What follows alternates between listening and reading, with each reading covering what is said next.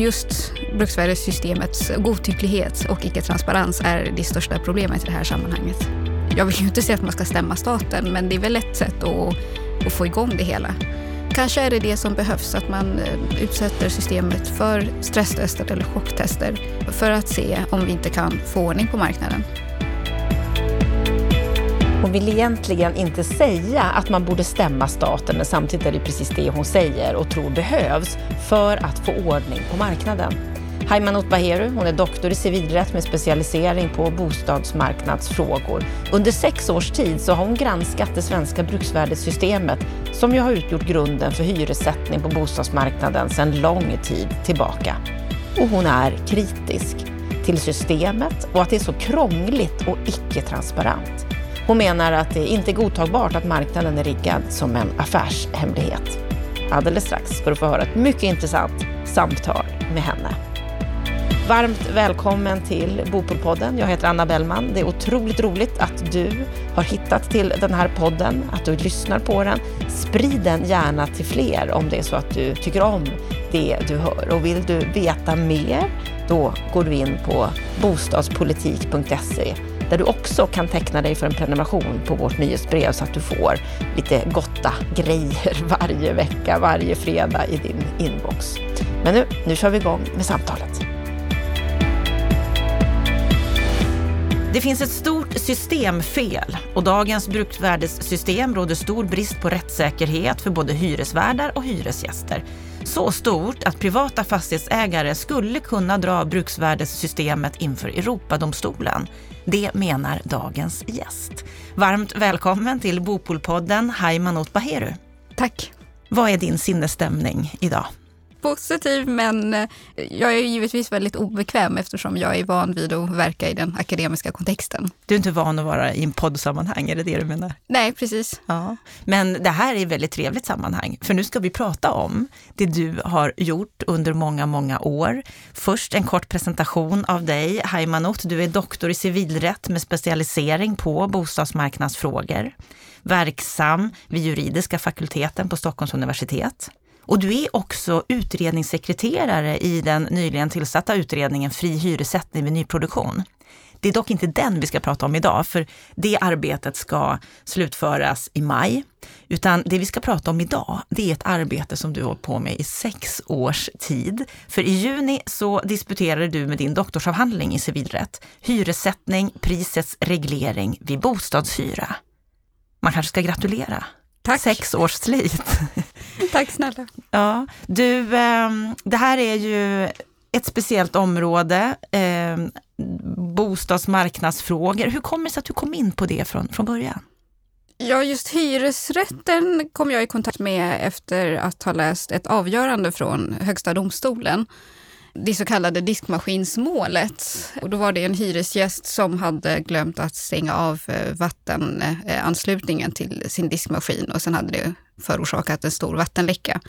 Och eh, hyresgästen åkte på skadeståndsansvar för det. Och då tyckte jag att det var jättekonstigt och att det var väldigt strängt i och med att den som har en diskmaskin hemma vet ju att man sällan stänger av den där extra säkerhetsanslutningen. Så att då bestämde jag mig för att skriva en artikel där jag kritiserade Högsta domstolen för eh, hur man hade tillämpat kulpanormen. Jag tyckte inte att det var, jag tyckte att det var ganska verklighetsfrånkopplad eh, resonemang. Så att på, på den vägen är det. Och sen så kom jag in på, så visste jag ju att jag ville doktorera. Och eh, sen kom frågan om bruksvärdessystemet upp och då tänkte jag att det kan väl inte vara så svårt. Vi kör. Ja, och hur, hur känner du nu då när du har jobbat med det i sex år? Ja, eh, ja, sex år av eh, mer eller mindre instängd bubbla har lett till ja, 700 sidors eh, avhandling. Ja. Det säger ganska mycket. Jag är nöjd, att jag, jag, är glad över att jag har gjort jobbet. Men eh, jag önskar ju att jag hade fått skriva lite mindre. att du inte hade behövt skriva så långt menar du? Precis. För det är mycket som behöver tas upp. Varför då? Eh, ja, vi jurister har dessvärre inte varit särskilt duktiga på att eh, studera den här frågan. Det här är ju eh, väldigt mycket juridik, men traditionellt sett har man väl sett det här som en ekonomisk fråga. Rättsvetenskapen har haft svårt att ta till sig den här frågan för att för oss så vet vi ju att hyran ska vara skälig. Eh, det jag har gjort är väl att jag har varit obekväm och ställt frågan vad menas egentligen med skäligt i det här sammanhanget? Och, och, det är ju egentligen det jag har forskat på. Vad är en skälig hyra? Mm, för det är oftast det man får höra. Det här Precis. är en skälig hyra och därför får man ta det, därför får man höja hyran och så vidare. Precis. Mm. Hyran ska vara skälig, självklart. Ska den om, om vi bara ska kort sammanfatta, vad är det du tar upp i din avhandling? Ja, det är prisregleringssystemet för bostadshyresrätter. Och det är inte bara de, eh, de upplåtelser som omfattas av bruksvärdessystemet som jag har studerat, utan jag tittar på hela systemet, hela regelverket. Så att eh, det här är en juridisk analys av prisreglering, hur det är utformat, hur det tillämpas, varför det är utformat på det här sättet och eh, också, men framför allt varför det anses vara skäligt i den ena situationen och i den andra situationen. Och när vi pratar om bruksvärde, vad menar vi då?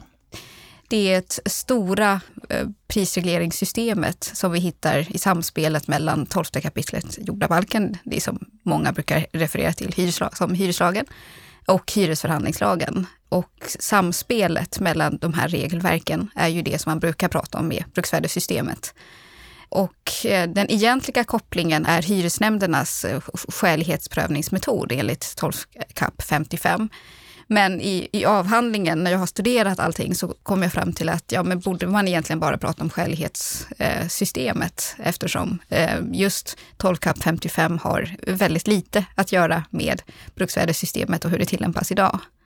Det låter lite krångligt. Det låter lite juridiskt när du förklarar. och det kanske är så. Ja, eh, jag har som sagt, jag har tyvärr skrivit en avhandling om ett superpraktiskt ämne, men en akademisk avhandling. Och jag är jurist, så att jag har inte lärt mig att kommunicera med icke-jurister ännu. Men det man kan säga är att om du och jag gör upp om ett, om ett pris så finns det formellt sett ingen prisreglering i Sverige för att eh, 12 kap JB utgår från avtalsfrihet. Men om man tittar på hela regelverket och hur olika bestämmelser samspelar med varandra så blir det väldigt klart och tydligt att den här avtalsfriheten egentligen i många fall är en pseudofrihet. Alltså att du är fri, men, men egentligen inte. Du utövar avtalsfriheten under censurerade former. Och det är det som kallas för bruksvärdessystemet. Och det beror ju bland annat på att den initiala, alltså den första hyran som du och jag gör upp om, den kan ju underkastas skälighetsprövning hos hyresnämnden. Och den prövningen eh, innebär att en total omvärdering av hyran kan göras. Så att, eh, och då tillämpar man bruksvärdesreglerna och det är därför det kallas för bruksvärdessystemet. Men man man blir inte särskilt förvånad av att veta att eh, det är väldigt få hyror som faktiskt sätts av hyresnämnderna. Större delen av prissättningen sker på marknaden och då framför allt eh, genom de kollektiva förhandlingarna. Så att, eh, så att vi har ett bruksvärdessystem som har lite koppling med eh, regelverkets eh, namn kan man ju säga. Så att vi har Ja, eh, vi har ett komplext regelverk kan man mm. säga. Och en del av din kritik handlar ju om att det är komplext och att det inte är så transparent. Absolut inte transparent. Eh, jag hade, jag hade ju som tur var möjligheter att, att, få kontakt med människor inom organisationerna så att jag fick ju ta del av deras resonemang och deras synsätt på det. Men det var samtidigt väldigt svårt för mig att få ut material också. Eh, och det är inte säkert att det ens finns material. Men men det säger ju rätt mycket om, om systemet, att vi har ett stort byråkratiskt system som administrerar prisreglering och det är bara de som är inne i systemet som kan förstå och förklara varför vi har den prisstruktur vi har på, på vissa marknader. Det, det, det, du sa när vi pratades vid innan vi, vi satte på bandet, det var att det finns en nedvärderande syn på att hyresgäster inte behöver förstå det här. För när du pratar nu, det är ju, det är ju som du säger komplext. Mm. Men de som berörs av det här, det är ju hyresgästerna. Ja. De som ska betala hyran. Ja, hyresgäster får priser genererade till sig. Eh, när du flyttar in i en lägenhet så är den om den omfattas av det kollektiva förhandlingssystemet så finns det redan ett pris för, för, för bostaden. Och skulle du få för dig att tycka att men det här är ju inte rimligt. Jag, har ju gjort, jag tycker inte att det här priset är rimligt och vänder dig till hyresnämnden, för det har du alltid rätt att göra. Så finns det dessutom en praxis som kallas för presumtionen om den kollektivt förhandlade hyrans skälighet. Eh, och det innebär att eh, hyresnämndens prövning utgår från att den kollektivt förhandlade hyran är skälig. Och eh, den presumtionen är orubblig i det närmaste. Så att skulle du vända dig till hyresnämnden och ifrågasätta skäligheten av den kollektivt förhandlade hyran, ja, då får du veta att nej, man har gjort upp om det, därför är det skäligt. Mm. Och det här med skälighet, är det du vänder dig emot? Att ja, men, det är ingen äh, absolut sanning? Nej, men också att skälighet betyder mycket. Det betyder i många fall tillåtlighet. Det här är det tillåtna priset. Sen behöver det inte vara detsamma som det skäliga priset. Om vi ska backa bandet, ja. för det här är ju inte system som vi har fått nyligen, utan vi har en historia som är långt, långt tillbaks i tiden. Från när började det system vi har idag när det gäller vårt hyressättningssystem? Ja, 40-talet och 1942 års lag. Och när man har läst eh, större delen av min avhandling så förstår man ju också att eh, kollektiva förhandlingssystemets utgångspunkter på många sätt och vis är detsamma som 1942 års lag. Så att prisbildning, eh, prisbildningsmekanismen följer i stort 1942 års lags eh, modeller. Och en hel del av de avtalsinstrument som har utvecklats inom det kollektiva förhandlingssystemet kommer också från den tid när 1942 års lag var tillämplig. Men eftersom vi har avtalsfrihet och ingen formell prisreglering så har man ju inte sett att 1942 års lag på många sätt och vis lever kvar inom det kollektiva förhandlingssystemet och att eh, bruksvärdesreformen egentligen bara har blivit en omreglering. Av... Och det var 68 som den skedde? Precis. Så det är ju ett tag tillbaka? Det är oerhört lång tid tillbaka. Vi har ett annat läge nu. Ja. Och du menar att det har inte skett några egentliga förändringar sedan dess? Jo, det har skett förändringar. Vi har fått en strängare prisreglering. Eh, det är mer omfattande och det är mer omfattande i det avseendet att eh, eh, de enskilda hyresavtalsparternas möjligheter att själva förfoga över prissättningen, det har minskat till förmån för de kollektiva förhandlingarna. Och det har ju då inneburit att administrationen av förhållandet mellan hyresgästen och hyresvärden, den har växt Eh, och att organisationerna på det sättet också har fått en ännu större makt. Och organisationerna i det här fallet, vilka hänvisar du till då? Ja, på hyresgästsidan så är det ju Hyresgästföreningen som står som part i 90 procent av eh, fallen. Och eh, den allmännyttiga sektorn så är det Sveriges allmännytta. Och på den enskilda sektorn så har vi då fastighetsägarna. Men det institutionella samarbetet kring administreringen av prisregleringen, den finns ju huvudsakligen mellan Sveriges allmännytta och Hyresgästföreningen. Eh, den enskilda sektorn har inte alls eh, utvecklats eh, i samma byråkratiska institution som, som den allmännyttiga sektorn historiskt sett har gjort.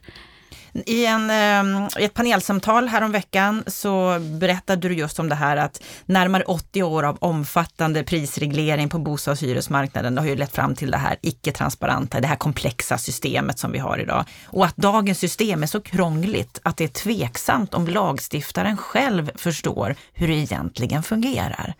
Är det så illa? Att inte ens de som fattar våra lagar förstår det här systemet? Det är dessvärre så pass illa. Det är ju det som är kärnan i problemet. Att vi har prisreglering. Alltså priset fyller en central funktion på en marknad. Men priset är också det mest centrala villkoret i relationen mellan hyresvärden och hyresgästen. Eh, det är ju det som styr eh, parternas eh, förehavanden. Och att vi då har lagstiftare som, som har varit inne och petat lite här, lite där. Man har ägnat sig åt detaljstyrning och inte sett systemet som en helhet att vi har kommit till, en, till, till, alltså till den graden där vi, har, där vi har lagstiftning som sker lite grann i blindo. man, eh, man ägnar sig åt, åt detaljfrågor istället för att se helheten. Eh, ja, då är det kanske inte så konstigt att bostadshyresmarknaden ser ut som den gör. Då är det inte konstigt att det inte fungerar. Eh, eller på vissa håll anser man ju att den fungerar, men enligt de uppgifter jag har tagit del av så råder det bostadsbrist i de flesta kommuner i landet. Ett stort problem det tycker jag. Vem hoppas du ska läsa din avhandling eller ta åt sig av din kritik? En avhandling skrivs dessvärre för akademin, eh, men ämnet är ju praktiskt och det är, ett, eh, det är en viktig fråga för vi måste ha fungerande bostadshyresmarknader. Eh, så att jag hoppas ju att lagstiftaren och de som bestämmer över bostadspolitiken kanske kan tänka sig att om vi inte läser hela så kan man kanske bläddra bläddra i den och se att eh, vi, vi, kanske har ett behov av att förenkla eh, och ägna oss eh, åt pedagogiska insatser. Eh, för det är inte rimligt. Det är, man ska inte behöva läsa så här mycket för att förstå hur ett pris regleras. Och då vill jag ju bara säga att jag har ju varit väldigt mycket på internationella konferenser eh, runt om i Europa och presenterat eh, min, eh, eh, mitt forskningsprojekt. Och de flesta hade svårt att förstå att det var så pass komplext i och med att det här handlar ju om prisreglering. Eh, det här är ju marknadsrätt. Det är inte bara hyresrätt, det här är marknadsrätt. En hel näringssektor verkar under de här omständigheterna. Eh, och om man tänker sig att vi vill skapa konkurrens mellan hyresvärdar för att gynna hyresgäster, om vi tänker oss att vi behöver ha fler nya aktörer på marknaden för att eh, ja, bygga, producera, konvertera, då är ju frågan hur de ska kunna ta sig in på marknaden, om det här är det de behöver läsa för att förstå hur det fungerar. Det är ju inte rimligt. Eh, och inte heller kan det vara rimligt att vi har en stor grupp konsumenter, det vill säga hyresgäster, som, som är, jag vill inte säga att de är helt rättslösa, för det finns ju formellt sett ett system för dem att ta tillvara på sin rätt. Men, men vad är det för, vad, med vilka reella förutsättningar har de egentligen? Och är, är det i överensstämmelse med konsumenträtten, den svenska konsumenträtten och den europeiska konsumenträtten. Det finns väldigt mycket att undersöka här. Du menar bland annat att dagens bruksvärdessystem råder stor brist på rättssäkerhet? Ja. Det är detta du menar då? Ja, det gör jag. Det, det finns formella alltså procedurer. Du har möjlighet att vända dig till rättsinstanser. Men eh, rätten till rättvis rättegång, det vill säga möjligheten att faktiskt få rätt, även om du har möjlighet att få din sak prövad så måste du också ha rimliga förutsättningar att bevaka din rätt. Och just möjligheten att bevaka rätten är det som brister i bruksvärdessystemet. Och du sa i en artikel i Fastighetstidningen här för några dagar sedan att du är förvånad över att privata fastighetsägare som omfattas av bruksvärdessystemet ännu inte dragit staten inför Europadomstolen. Ja, jag är, jag är väldigt förvånad. Varför då? Eh, Ja, för att det är ändå privat äganderätt och äganderätten har ju fått ett starkt skydd eh, genom Europakonventionen och tilläggsprotokollet. Och det finns också skydd för Eh, den privata äganderätten i EU-fördraget. Så att eh, äganderätten har fått en stärkt ställning och det innebär givetvis inte, och det skriver jag också klart och tydligt i avhandlingen, det innebär inte att man inte får inskränka den privata äganderätten. Däremot så måste formerna för inskränkningen vara rimliga. Det måste ske rättssäkert. Det måste ske rättsenligt. Man, man måste ha rimliga förutsättningar för att förstå varför den avkastningsrätt, den avkastningsmöjlighet du har från din, från din fastighet, varför den är inskränkt. Varför får du ett lägre pris än det du hade kunnat få? Och i dagsläget så får du svaret, ja vi har ett bruksvärdessystem. Alright, men vilka normer bygger det på? Ja, det är de normer vi har förhandlat fram. Ja, kan jag ta del av det? Äh, ja. Svårt. Svårt, precis. Och då brister det ju redan på rättsenlighetskriteriet och Europadomstolen har varit väldigt noga med att värna om rättsstatsprincipen. Och så vitt jag vet och så vitt de flesta andra vet så är det faktiskt så att även hyresmarknaden omfattas av den svenska rättsstaten. Så att här tycker jag ju faktiskt att eh, våra politiker har en stor förklaringsbörda. Hur kan man godta den här typen av godtycklig och icke-transparent inskränkning i den privata äganderätten? Och då ska vi komma ihåg att man faktiskt kan vända sig till svenska eh, domstolsinsatser för att, för, för, för, att kräva skadestånd från den svenska staten. Men varför gör inte privata grunden. fastighetsägare det tror du? Okunskap. Vi får komma ihåg att den här avhandlingen är den första som behandlar hyressättningsregleringen, eh, trots att vi har haft en omfattande prisreglering sedan 1942. De vet inte om det. De känner inte till hur det skulle kunna vara. Nej, det finns en hyresvärd som har prövat det. Eh, från, ja, han prövade det vid Stockholms hyresnämnd 2006 eh, och även Svea hovrätt. Och då fick man bara ett, eh, ett blankt nej. Det, det, det är inte relevant. Man får inskränka det. Och, det var ju givetvis felaktig rättstillämpning. För att läser man min doktorsavhandling så ser man ju att det finns en omfattande praxis från Europadomstolen Eh, där man till och med har eh, formulerat och utvecklat en prövning för hur inskränkningen får ske. Så vi, vi måste komma ihåg att inskränkning får ske, eh, men det måste ske proportionerligt, men framför allt så måste det ske rättsenligt. Och just bruksvärdessystemets eh, eh, godtycklighet och icke-transparens är det största problemet i det här sammanhanget. Hur kan man åtgärda det? Jag vill ju inte säga att man ska stämma staten, men det är väl ett sätt att, att få igång det hela. Att det händer något? Ja, som jurist så gillar jag ju rättsutveckling, så att det här är bara min akademiska inställning till det hela. Men det är klart att det här kan ju bli väldigt dyrt om fler och fler privata hyresvärdar börjar stämma staten. Men kanske är det det som behövs, att man eh, utsätter systemet för stresstester eller chocktester för att se om vi inte kan få, få ordning på marknaden. Mm. Du har bland annat sagt det här att förutsättningar för vad, egentligen, vad som egentligen styr hyran de facto har blivit en branschhemlighet som bara de förhandlande parterna känner till eller på sin höjd eventuellt kan ta del av. Ja. Det är riktigt i det fördolda menar du? Ja, absolut. Det, det finns ju eh, vi har ju eh, det hyllade eh, systemet med systematisk hyressättning. Och eh, systematisk hyressättning innebär ju att vi har hela regionala marknader som i dagsläget är riggade genom gemensamma överenskommelser mellan organisationerna och större hyresvärdar.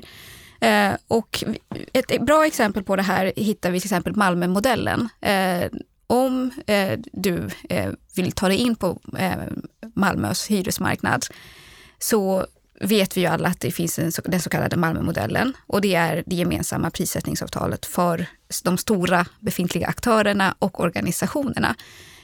Så att prissättningen, bruksvärdeshyran, styrs ju av det här eh, hemliga dokumentet. Eh, och skulle du säga att ja, men jag vill ta del av Malmöavtalet, ja, lycka till. Då måste du bli medlem först. Och det här är också hyresgästerna och hyresgästerna kan inte få ut det här. Eh, och det vet vi för att vi har faktiskt haft en privatperson som har försökt få ut Malmöavtalet. Eh, Men det gick inte? Det gick inte eh, för att eh, både MKB och Hyresgästföreningen satte sig emot det och värnade om sin affärshemlighet. Eh, så, så, att eh, det här är prisreglering vi har att göra med. Hur kan vi ha normer som inte är tillgängliga för de som berörs? Och hur kan vi godta det? Vi lever som sagt i en rättsstat. Jag, jag låter som en jättetråkig jurist, jag vet det. Men vi lever i en rättsstat och även hyresmarknaden omfattas av rättsstaten. Så att det, det är inte godtagbart att vi har hela riggade marknader eh, och att eh, grunderna för eh, hur marknaden är riggad är en affärshemlighet. Kan vi utveckla det system vi har idag eller behöver det skrotas helt? Jag tror att det finns eh, stora förutsättningar till förbättring. Av Så systemet. du tror inte att vi behöver helt ta bort det systemet? Debatten är ju lite tudelad här kan man säga.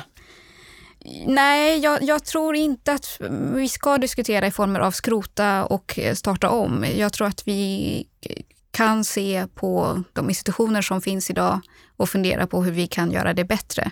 Exempelvis hyresstatistik, där vet vi ju att eh, i och med att så stor del av hyrorna är kollektivförhandlade så finns det ju uppgifter, det finns data tillgängligt. Eh, vad kan organisationerna göra åt det? Eh, vi vet också och vad är det som brister där idag menar du? Ja, det är inte tillgängligt. I Sverige, är Sverige är en av de få länder eh, där man inte kan slå upp en viss adress eh, och få upp eh, uppgifter om, om hyran. Där har vi branschhemligheten igen kanske? Ja, bland annat. Men också att gör informationen till, allmänt tillgänglig. Kanske blir det en stor förbättring redan där. Så någon avreglering eller omreglering, det är inte det du efterlyser?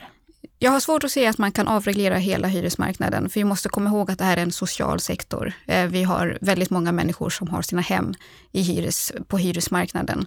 Eh, men en omreglering som innebär att rättsstatliga principer är gällande även på hyresmarknaden eh, är ju ett sätt att se till att värna om deras besittningsskydd, värna om det hem som de har skapat i hyreslägenheterna eh, samtidigt som man inte skadar marknaden genom att göra en prisreglering mer eller mindre hemlig.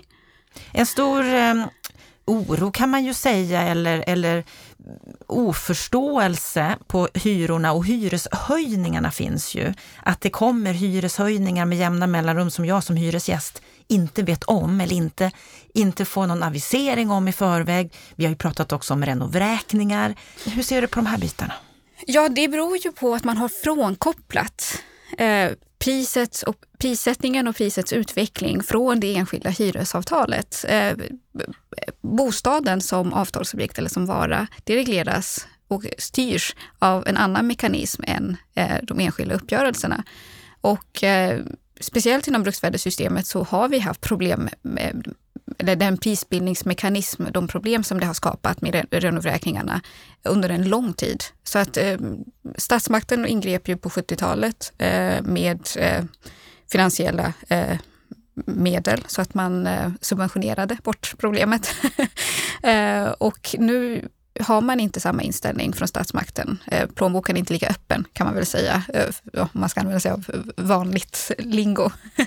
Eh, och då blir det ju som så att när lägenhet behöver renoveras så har vi under en lång tid haft hyresintäkter som inte har kunnat täcka just framtida eh, renoverings och underhållsbehov. Eh, och då är man också i behov av att göra så kallade standardförbättringar för att kunna få upp hyran. Så att det, det, alltså det, det är så tragiskt. Det är synd om alla hyresgäster som idag får betala för tidigare felaktiga priser.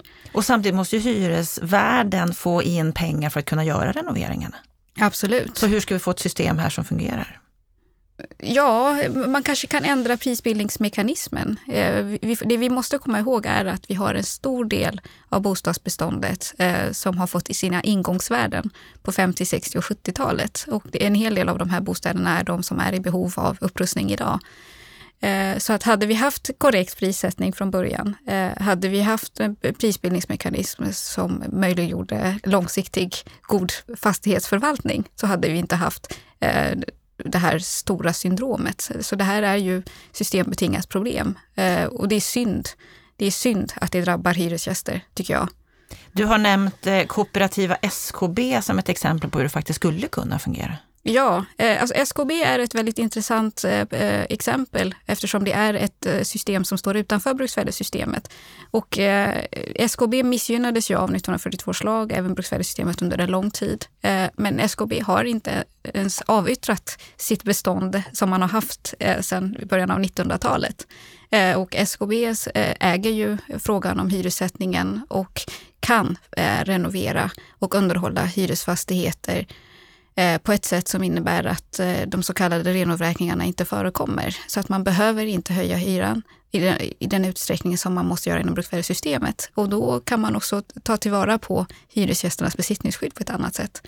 Eh, så att eh, vad är, vad är, priset för den här administrationen? Eh, är det värt det? Eller kan vi tänka oss att eh, utveckla systemet på ett sätt som gör att man kan tänka på långsiktig hållbarhet? Eh, det som ni kanske har sett så finns det ett antal arkitekter och eh, eh människor som eh, eh, värnar om, på goda grunder tycker jag, om kulturhistoriska frågor som har satt sig emot bruksvärdessystemet.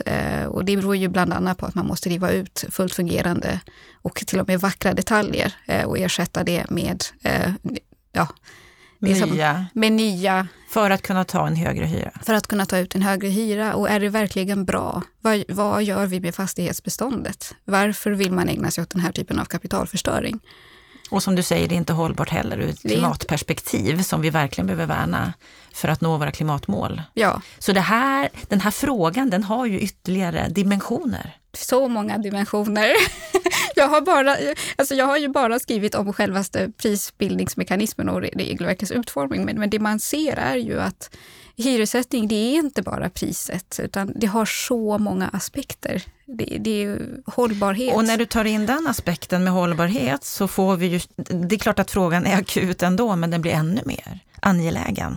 Ja. Eftersom vi har ett mål när det gäller hållbarheten och klimatet som vi behöver nå. Precis, och där är ju bruksvärdessystemets prisbildningsmekanism ett stort problem också. Det pågår tre utredningar just nu från politiskt håll. Vi har dels fria nyproduktionspriser som ska vara klara våren 2021. Vi har systematisk hyressättning som också ska vara klar våren 2021 och så effektivare hyresförhandlingar som ska vara klar vid årsskiftet. Hur ser du på de här utredningarna? För regeringen har ju faktiskt, och i januariöverenskommelsen visat att det, det, finns en angelägenhet här, att vi måste ta tag i de här frågorna. Hur, hur, ser du på de här utredningarna som, som vi ju inte vet vad de leder till än, men som ändå är på gång?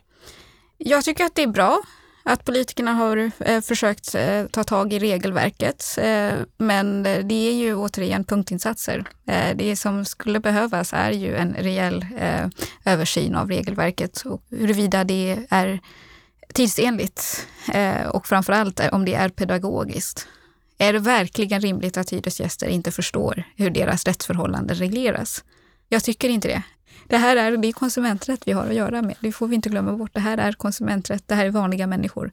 De har inga förutsättningar att förstå eh, sina boendeförhållanden idag. Inte ens lagstiftaren förstår ju. Nej, precis. Hur ska de kunna förstå då? Så vi har ett stort problem mm. med vårt hyressättningssystem som det ser ut idag enligt dig. Det är alldeles för komplext, alldeles för icke-transparent. Det lever kvar från 1942, stora delar i alla fall. Ja, men i mycket försämrad version. För att eh, då visste faktiskt lagstiftaren vad man gjorde. Man hade förståelse för vad man skyddade, vilka skyddsobjekt det fanns, skyddsobjekten, eh, men också att det rörde sig om en marknadsreglering. Under en lång tid så har man reglerat hyran utan förståelse för konsekvenserna för marknaden. Eh, så att det är en försämrad version. Mm, en försämrad version? Ja, mycket försämrad version. Absolut. Som inte ens är tidsenlig i de förhållanden vi har idag och med de behov vi har av renoveringar och annat. Och där vi definitivt måste ha ett system där hyresgästen förstår vad den har för möjligheter och för rättigheter. Ja, vi får, vi får inte glömma bort att eh, 12 kap. JB, hyreslagen, det är tvingande skyddslagstiftning för hyresgästen. Så vad är det du vill se från ja, politiskt håll? Från politiskt håll, ja, ta tag i 12 kap. JB. Vi kanske måste våga eh, skriva om lagen. Bör, det innebär ju inte att man ändrar hela systemet, men att man skriver om lagen på ett sätt som gör att konsumenter som påverkas av, av lagstiftningen faktiskt har möjlighet att förstå eh, hur lagen ser ut och varför den tillämpas på det sättet den gör. Och hur skulle den vara till nytta för fastighetsägare? Spelreglerna blir ju transparenta.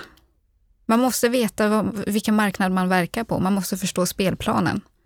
Det kanske är jättekontroversiellt, eh, men jag tycker att det är, det, det, är så, det är så självklart att det är konstigt att jag ens ska behöva säga det. Vi får se. Mm. Om de lyssnar, även om de inte orkar läsa 700 sidors avhandling, så kanske de lyssnar på detta och vad som händer framåt. Vi får se. Vi får se. Stort ja. tack för att du gästade Bopolpodden, Haimanot Baheru. Tack.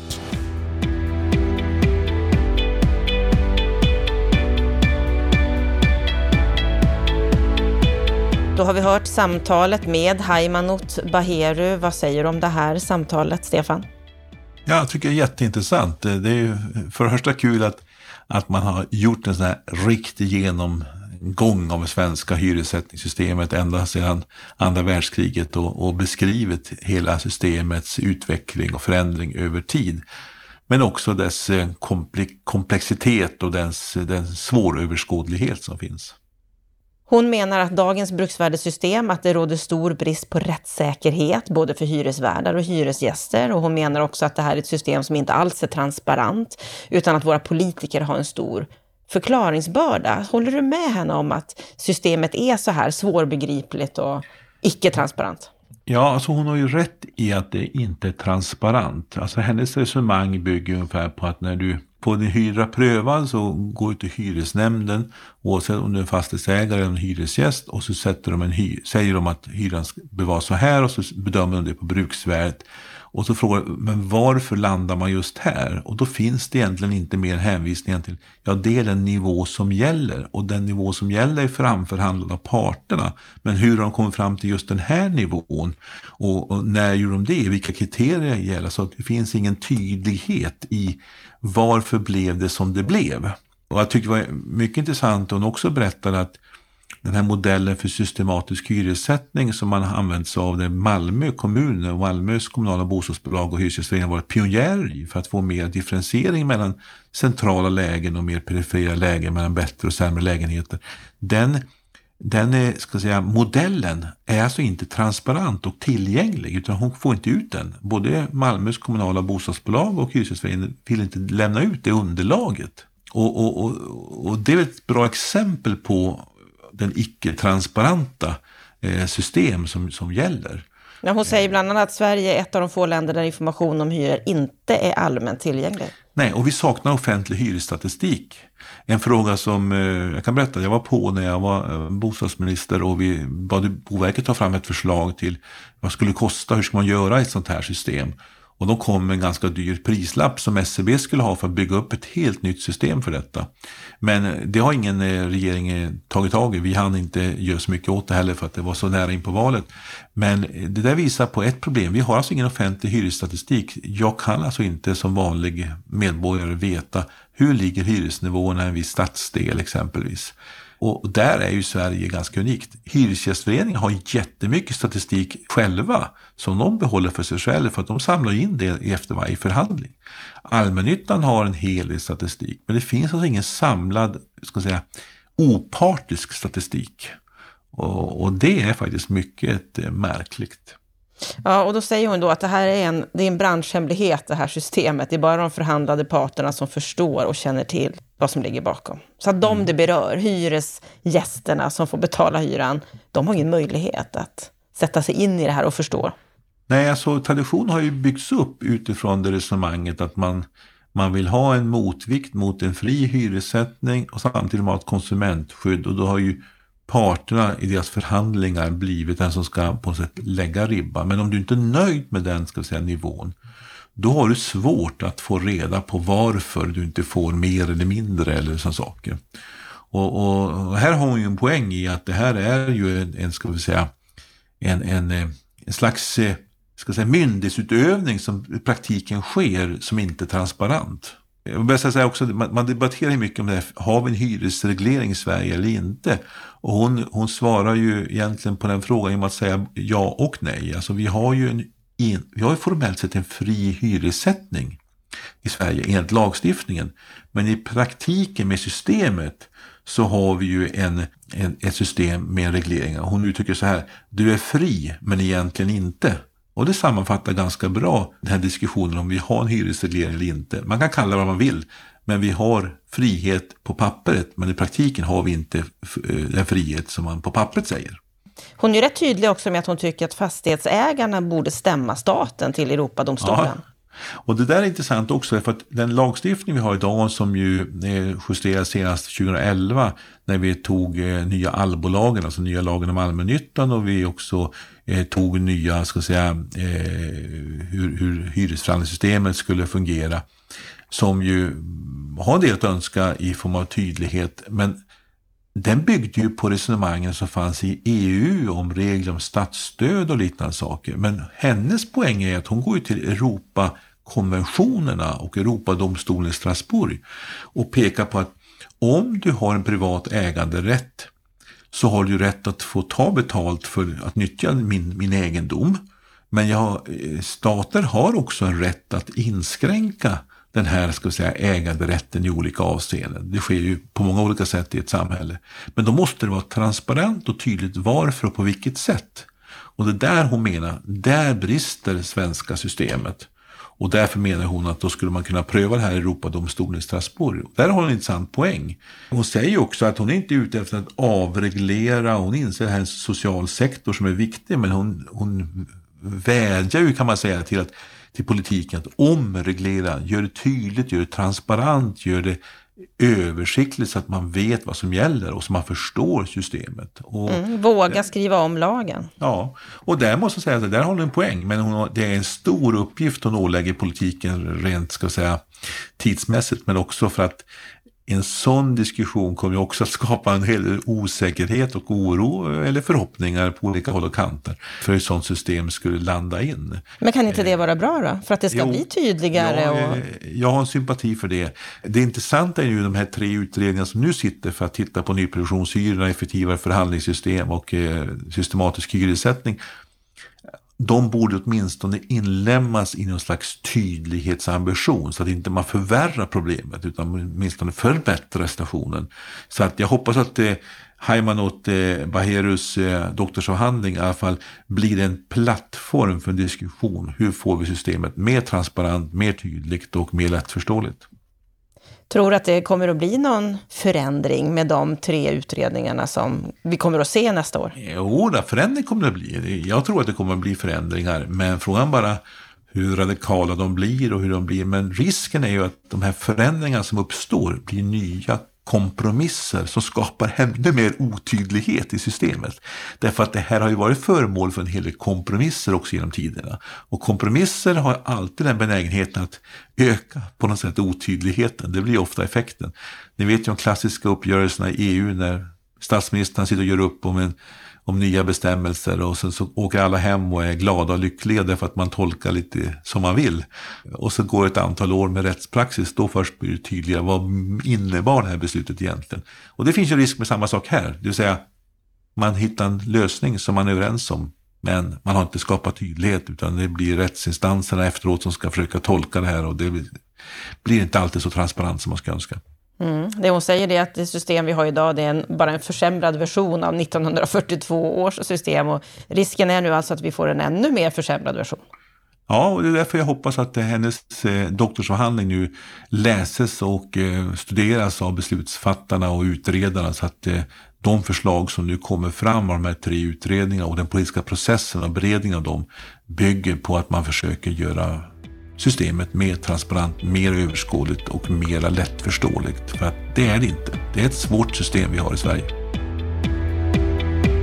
Ja, mycket behöver göras för att vi ska få ett hyressättningssystem som är begripligt och transparent, som alla förstår. Då har vi hört samtalet med Haimanot Baheru och Stefan Attefalls kommentar på det nu. Nu ska vi få en repris av veckans Aktuellt från i fredags. Under veckan som har gått så kan vi bland annat läsa en krönika som vår kollega Lennart Weiss har skrivit i Fastighetstidningen, där han varnar för höga hyror, höjda hyror på grund av höjda kreditrestriktioner av kommersiella fastigheter. Och rubriken på den här krönikan, det är Bolund startar om Sverige med ökade hyror. Ja, Stefan Attefall, vad säger du om, om det här? Ja, det är ju Lennart som har eh, identifierat de här hoten som kommer ifrån olika typer av kreditrestriktioner som ja, den vanliga människan inte upplever berör dem själva. Men eh, det är alltså mot kommersiella eh, fastighetsbolag och där finns ju hyresrätterna i hög grad. Och eh, det som är intressant med Lennarts analys, som man också haft hjälp och kontakter med många, både inom banksektor och eh, ekonomer av olika slag, Eh, så han har gjort en ganska grundlig research kring de här frågorna. Det är just att det här förslaget nu om ökade kapitalkrav eh, för banklån till kommersiella fastigheter som Finansinspektionen tänker genomföra. Eh, det kommer att få effekter att det blir dyrare för företagen att låna upp pengar helt enkelt. Lägg därtill då kommande bankskatt och ytterligare aviseringar ifrån internationella eh, den här så kallade Baselkommittén som bestämmer många av de gemensamma spelreglerna för finansmarknaden i Europa. Det läggs lager på lager och slutsatsen blir att du kan få alltså nyproduktionshyror som stiger med kanske 1500 kronor upp till 3000 kronor för en normal trea.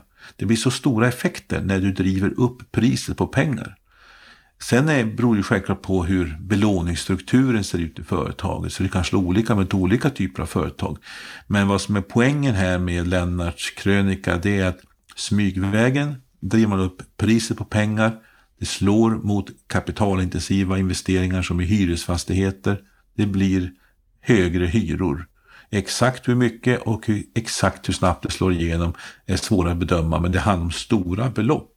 Och det gör att det blir helt enkelt ännu svårare att bygga hyresrätter och det är det som är rubriken. Bolund startar om Sverige med ökade hyror. Alltså säga, man låter det här införas utan att eh, göra en riktig analys och som blir då ska säga, den så kallade omstarten efter coronaepidemin. Det blir bara sämre villkor för hyresrätter i det här fallet.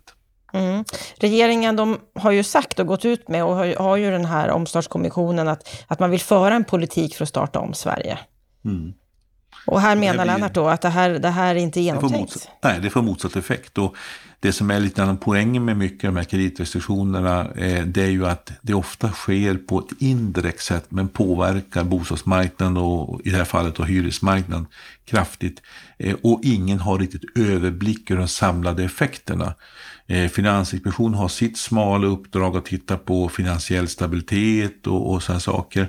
Riksbanken har sitt uppdrag. Eh, bostadsministern ska titta på hur bostadsmarknaden fungerar men kopplar aldrig ihop det här med hur finansmarknaden fungerar. Sen eh, ska vi ha självklart eh, ordning och reda på finansmarknaden och vi ska ha vettiga, rimliga krav. Men eh, den här sammantagna effekten och bedömningen, vad är rimligt? Och vad är rätt avvägt? Det är den diskussionen som ju Lennart brukar efterlysa och som jag delar helt. Den saknas i Sverige. Vi har ingen riktig sån debatt. Och, och det besvärliga tycker jag, det är att när samma person är både finansmarknadsminister och bostadsminister så för inte heller man där den här kvalificerade diskussionen. Vad får det ena jag gör effekter på det andra? Och, det och egentligen borde man tänka att det borde vara tvärtom. Ja, att eftersom det... han har båda rollerna, och det var ju så det sades när han tillträdde, att yes, här har vi någon som har båda perspektiven. Men ja. han tar inte de båda perspektiven menar du? Nej, och det hela politiska systemet och hela administrativa systemet i Sverige är uppbyggt att det här är som två världar som lever parallellt med varandra och inte berör varandra. Och det är det som är felet. Och här måste liksom det bli både en kulturrevolution inom, inom det hela offentliga Sverige, men också självklart en politisk revolution där vi tar tag i de här frågorna och väger av vad är rimligt. Vi vet ju av kreditrestriktioner mot eh, exempelvis eh, ungdomar och förstagångsköp att man inte kommer in på den ägda marknaden. Det är en annan effekt av den här eh, bristen på helhetstänk. Men är det inte Bolunds ansvar att ta båda Ja, men det, jag skulle i den meningen försvara Bolund och säga så här att det är inte bara Bolunds ansvar. Det är också myndigheternas, men det är framförallt hela regeringens och statsministern och finansministerns ansvar. Och det är här som är bristen. Och det är också dilemmat med hela bostadspolitiken. Det är att den, den, den har lite svårt att få det helikopterperspektivet man uppifrån ser på de alla olika delarna i eh, politiken som berör bostadsmarknaden. Vi har ett liknande dilemma har vi kring miljöbalken och miljölagstiftningen som också gör det dyrare att bygga och strandskydd och riksintressen och liknande saker som påverkar byggandet som inte heller har det helhetstänkandet med bostadsbyggandet. Mm. Hela regeringens ansvar. Vi får hoppas att de tar tag i det, för det behövs ju. Om vi går vidare så har vi en krönika på bostadspolitik.se om trädgårdsstäder av Monica Andersson, där hon ifrågasätter varför det inte planeras trädgårdsstäder och låga hus i trä i någon omfattning att tala om idag. Mm. Vad är det hon är kritisk till här, Stefan? Jag tycker att det är en spännande krönika och, och ehm, det här bevisar att det finns mycket läsvärt på bostadspolitik.se.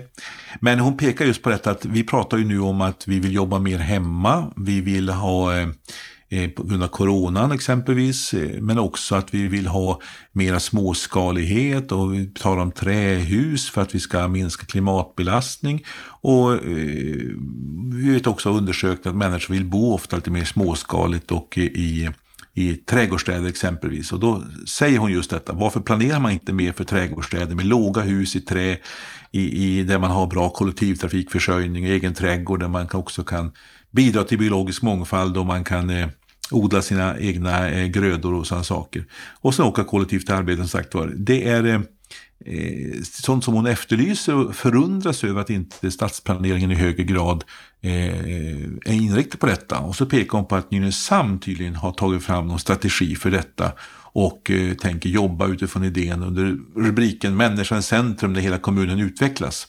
Och det är väl ett eh, exempel på en kommun som försöker ta steget i rätt riktning men det här är alldeles för lite av runt om i Sverige. Eh, så jag tycker hon är inne på ett spännande spår och eh, något som har bekräftats av flera andra också. Så att eh, Monica Andersson som ju är forskare just nu om, om just så här stadsbyggnadsfrågor är ju gammal politiker också ifrån Stockholms stad en gång i tiden. Hon var borgarråd för Socialdemokraterna men hon pekar på någonting tycker jag som är väsentligt. Mm. Och Tycker du att, att det stämmer, det här med trädgårdsstäder, att, att vi inte riktigt vill ha det idag på samma sätt som tidigare? Ja, det finns ingen, alltså det finns, alla undersökningar visar att människor vill bo eh, vill äga sitt boende och att man också vill gärna bo i ett småhus i olika former. Och det, stadsplaneringen möter ju inte upp det önskemålet. Vi ser också hur småhuspriserna har stigit men byggandet faller. Det är ju någonting som är konstigt här. Det är ett utbudsbrist helt enkelt. Och vi vet också att många av de här miljöeffekterna vi är ute efter kan man uppnå med exempelvis små, eh, mindre småskalig bebyggelse som ofta är i trä. Eh, och löser man sen eh, det med smart kollektivtrafikförsörjning så kan man också minska eh, belastningen i form av bilismen. Men samtidigt vet vi också att bilismen går ju också mot mer och mer av el och eh, annan typ av mer miljövänlig drift, eh, driftmedel. Så att jag tycker att hon har en poäng, men eh, stadsplaneringen har inte riktigt fångat detta. Men om det är så att efterfrågan är så stor, om det är så att vi vill bo i den här typen av bostäder, varför byggs det inte? Varför Därför planeras det inte för det? Nej, det är alltså, det som byggs styrs helt av vad kommunerna tar fram detaljplaner kring.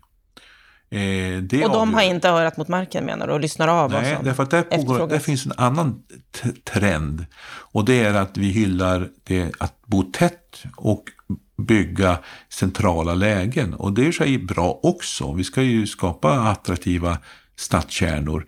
Men eh, det har blivit sån ensidighet i detta och eh, det blir också en motreaktion i många kommuner mot vad man kan kalla lite vanvördigt för en förtätningshysteri. Alltså man bygger så mycket tätt att man tar bort grönytor och man kommer så nära varandra så att människor börjar reagera mot det hela också. Och så är man rädd, säger man, för att använda åkermark exempelvis. Ja, var finns åkermarken? Det finns runt städerna och ska du bygga lite mer trädgårdsstäder måste du komma utanför stadskärnan för att få ner markpriserna. Så det finns ett antal sådana här motsättningar. Men eh, jag vill påstå att eh, fler trädgårdsstäder, mer småskalig bebyggelse. Tänk Tänker Bromma och Enskede, om man nu är stockholmare, eh, i modern tappning runt om i Sverige. Det vore faktiskt, tror jag, någonting som människor skulle efterfråga. Om vi ska gå vidare då och ta det tredje i veckans Aktuellt för den här veckan så är det att antalet anmälningar mot mäklare har skjutit i höjden. Det har flera medier skrivit om i veckan. Att hittills i år så har det inkommit fler anmälningar än vad det gjorde under hela förra året sammanlagt. Det här visar Fastighetsmäklarinspektionen. Och de har fått in hela 842 anmälningar mot mäklare. Mm. Fler alltså än under hela året förra, förra året. Vad säger du om det här? Ja, och majoriteten verkar ju just eh, gälla det här med lockpriser. Alltså att man är tillbaka till, ni, kan, ni som har ett minne vet att man, jag tror att 2011 så införde man på mäklarna i Stockholm acceptpris. För att motverka just den här djungeln av att det var priser som ingen riktigt, ja det var ett lockpris helt enkelt. Man satte ett pris som ingen egentligen visste att huset kommer inte säljas, eller lägenheten kommer inte säljas för det priset, för det kommer alltid bli en budgivning. Och då inför man acceptpris för att få städa upp i det här. Men vi håller på att gå tillbaka till den station som var före 2011. Det vill säga att priserna sätts inte ärligt helt enkelt. Man sätter dem bara för att locka igång budgivning och trissa upp priset. Och det, det, finns en sån tendens på marknaden, inte minst i Stockholm. Och eh, det tycker jag man kan se och eh, det är, de här anmälningarna är ett uttryck för att också eh, eh folk börjar upptäcka det. Och eh, jag tycker att det är väldigt bra att man uppmärksammar det hela och jag tycker att eh, mäklarsamfundet bör ju också se till att man tar tag i de här frågorna för att urholkas förtroendet för mäklarna och för priset som annonseras ut, ja då urholkas ju också förtroendet för hela branschen och mäklaryrket. Så att det finns en, en, tror jag, en vikt av självsanering här. Mm. Det finns mycket att göra för att behålla förtroendet. Och det som också står här och det de säger, det är att många har blivit mer medvetna. Att de, de tittar efter de här signalerna så att säga och därför anmäler kanske snabbare än vad man annars skulle ha gjort. Mm. Och det är väl sunt att det, konsumenterna är mycket mer medvetna. Man, man, man kollar upp vad föreningarna har för lån exempelvis. Man, man följer och jämför och lite saker och det är ju sunt. Därför att eh, medvetna köpare skapar ju bra och trygga affärer. Så att eh, det ska vi hälsa eh, med, med glädje, den tendensen. Men eh, då måste ju också mäklarna svara upp och vara duktiga på att visa ett seriöst arbete så att man får den här balansen och, eh, och eh, känslan av att allt går rätt till. Det var Bopolpodden för idag. Är det så att du vill komma i kontakt med oss, då når du oss på podd.bostadspolitik.se. Med det så önskar jag dig en riktigt trevlig vecka tills vi hörs igen på fredag då det är dags för veckans Aktuellt. Må så gott!